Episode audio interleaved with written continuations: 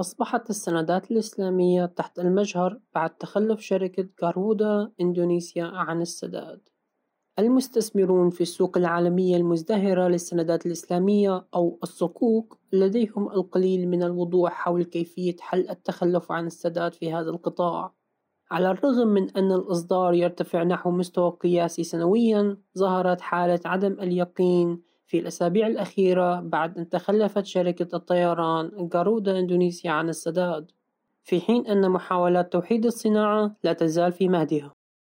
مع بدء انطلاق الصكوك في السنوات الأخيرة فقط، كان هنالك عدد قليل جدا من حالات التخلف عن السداد حتى الآن، وتم حل معظمها، إن لم يكن جميعها، خارج المحكمة وفقًا لتحذير من بشار الناطور، الرئيس العالمي للتمويل الإسلامي في وكالة التصنيف الائتماني. ومع احتمال أن يؤدي جائحة فيروس كورونا إلى مزيد من حالات التخلف عن السداد وطلبات التمديد وإعادة الهيكلة تزداد التساؤلات حول ما إذا كان حاملو الصكوك سيكونوا قادرين على إنفاذ حقوقهم التعاقدية واسترداد الديون في حالة حدوث عدم السداد مما رأيناه حتى الآن حتى في القضايا التي سبقت جارودا لا يمكنك رؤية قرار من المحكمة السبب هو أننا ننظر إلى جارودا كيف سيتم حل هذا؟ كيف يتم التعافي؟ كيف سيتم التعامل مع هذا؟ في المحكمة أو في الخارج؟ وقال الناطور لمؤشر نيكاي آسيا في مقابلة أجريت معه مؤخرا هذه ليست قضية التمويل الإسلامي فقط لكن الصكوك لها تعقيد إضافي بسبب متطلبات الشريعة في إشارة إلى الشريعة الإسلامية والتعقيد بالتأكيد ليس شيئا مرحبا بها في السيناريوهات المؤلمة. على عكس السندات التقليدية تم تصميم الصكوك بحيث تتوافق مع حظر الشريعة الإسلامية على فرض فائدة على القروض. تتم هيكلة شراء الصكوك على أنها ملكية لأصل ملموس تغطي أرباحه مدفوعات الكوبان. تضررت شركة جراودا بشدة من الوباء والقيود المفروضة على التنقل. وتجنبت بصعوبة التخلف عن السداد صكوك بقيمة 500 مليون دولار العام الماضي بعد حصولها على موافقات للدائنين على تمديد أجل الاستحقاق لمدة ثلاث سنوات. لكن شركة الطيران المملوكة للأغلبية من قبل الحكومة الإندونيسية تخلفت عن الموعد النهائي لدفع الكوبون في يونيو وقالت أنه ليس لديها خيار سوى الاستمرار في تأجيل التحويلات. ولا تصنف وكالة فيتش شركة كراودا أو صكوكها لكنها قالت أنها تراقب التطورات عن كثب وأشارت إلى أن مصدرين إندونيسيين آخرين وهما شركة استشارات البناء المملوكة للدولة إندا كارايا والمطور العقاري بريما جرينغان. قد تخلفا أيضا عن سداد مدفوعات دورية وأضافت فيتش أنها كانت تراقب مصدرين آخرين بعد تخفيض تصنيفها في الآونة الأخيرة الإمارات ريت أكبر صندوق استثمار عقاري متوافق مع الشريعة الإسلامية في الإمارات العربية المتحدة وسيربا ديناميك هولدينغز شركة خدمات هندسية مقرها ماليزيا. وأشار الناطور إلى أن الاختصاصات القضائية المختلفة لديها آليات قضائية مختلفة للتخلف عن سداد الصكوك. يشتمل النظام البيئي المتقدم للصكوك في ماليزيا على هيئة مركزين للقوانين الشريعة الإسلامية وتوحيد معايير الصناعة العالية. مما يسمح لها بالتعامل مع حالات التخلف عن السداد في الصكوك بطريقة مماثلة للسندات نظام إندونيسيا أقل تطورًا حيث يصرح القانون بتسوية المنازعات المالية الإسلامية من قبل المحاكم الدينية المحلية التي تتعامل في الغالب مع قضايا الطلاق وتفتقر إلى الكفاءة في القضايا التجارية. من الناحية العملية، يمكن تسوية النزاعات الصكوك في إندونيسيا في المحاكم التجارية، كما كان الحال مع التخلف عن السداد في عام 2012 لشركة الشحن بيرليان لاجو تانكر. مما أدى إلى خطة إعادة الهيكلة ولكن فقط إذا وافق الطرفان حتى بالنسبة للصكوك الدولية التي يحكمها القوانين الإنجليزية لا يزال هناك عدم يقين واستشهد الناطور بحالة التخلف عن سداد صكوك شركة الطاقة الإماراتية دانا غاز بقيمة 700 مليون دولار في عام 2017 مما تسبب أيضا في مخاوف بشأن قابلية التنفيذ بين مستثمري الصكوك العالميين. قضت محكمة إنجليزية بأن الالتزامات بموجب الصكوك ملزمة وأن على دانا غاز أن تدفع لحامليها ولكن بعد ذلك ذهبت الشركة إلى المحكمة في الإمارات العربية المتحدة وقالت أن الصكوك لم تعد متوافقة مع الشريعة. بسبب التغيرات في تفسير التمويل الإسلامي المحلي وبالتالي فهي غير ملزمة بالدفع.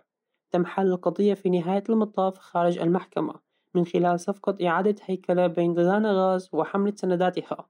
بما في ذلك مدير الصندوق الأمريكي بلاك روك وبنك الاستثمار جولدمان ساكس بالإضافة إلى عدم وجود قرارات قضائية تفتقر صناعة الصكوك أيضا إلى التوحيد القياسي دوليا وأحيانا محليا في نواح مختلفة مثل المحاسبة والتوثيق القانوني وحتى تفسير الشريعة. يمكن لأحد البنوك على سبيل المثال أن يقول أن بعض المعاملات متوافقة مع الشريعة الإسلامية بينما يقول بنك آخر في نفس البلد أنها ليست كذلك. لم يتم الترحيب دائما بمحاولات تحسين التقييس من قبل المستثمرين والمصدرين لأنها غالبا ما تضيف إلى الطبقات من التعقيد الإجرائي للصكوك. كان هذا هو الحال مع تبني دولة الإمارات العربية المتحدة في وقت سابق من هذا العام لمعايير جديدة أصدرتها هيئة المحاسبة والمراجعة للمؤسسات المالية الإسلامية. وهي هيئة تتكون من عشرين عالما من علماء الشريعة ومن خمسة عشر دولة. قالت وكالة ستاندرد بورز للتصنيفات الائتمانية في مذكرة في يوليو أن اعتمادا ما يسمى بمعايير AAOIFI الشريعة 59 قد قلل من إصدار الصكوك في الإمارات العربية المتحدة حيث أن بعض الجوانب الفنية للقواعد الجديدة تعني أن الامتثال يمكن أن يخلق سيناريوهات محتملة جديدة لحل الصكوك في وقت مبكر. وقالت ستاندرد بورز بشكل عام قد يعني هذا المزيد من الصعوبات في الوصول إلى السوق الصكوك وانخفاض شهية المستثمرين للأداة. ومع ذلك فإن وكالة التصنيف أكثر تفاؤلا بشأن الفائدة الطويلة الأجل للاتفاقية الجديدة. مضيفة أنها ستؤدي في النهاية إلى توحيد مجموعة الصكوك الكاملة.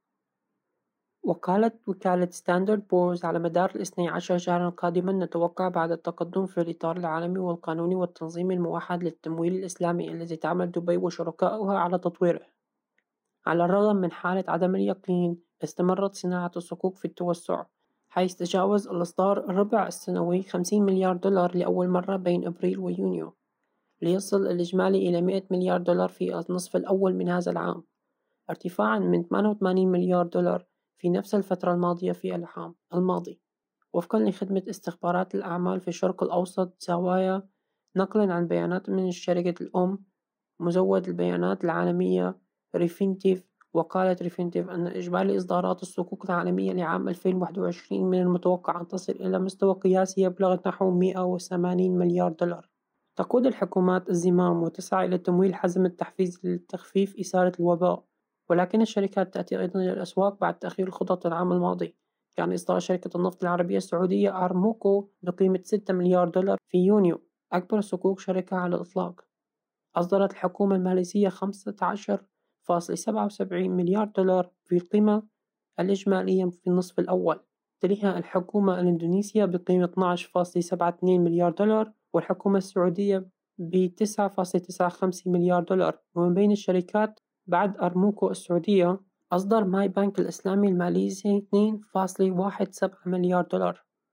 قالت سري مولياني أندروراتي وزيرة المالية الإندونيسية أن الصكوك استمرت في لعب دور متزايد في تمويل ميزانية الدولة لبلادها من 7 تريليون روبي فقط أي 326 مليون دولار بسعر الصرف الحالي عندما أصدرت الحكومة أول صكوك في عام 2008 إلى إصدار التراكمي.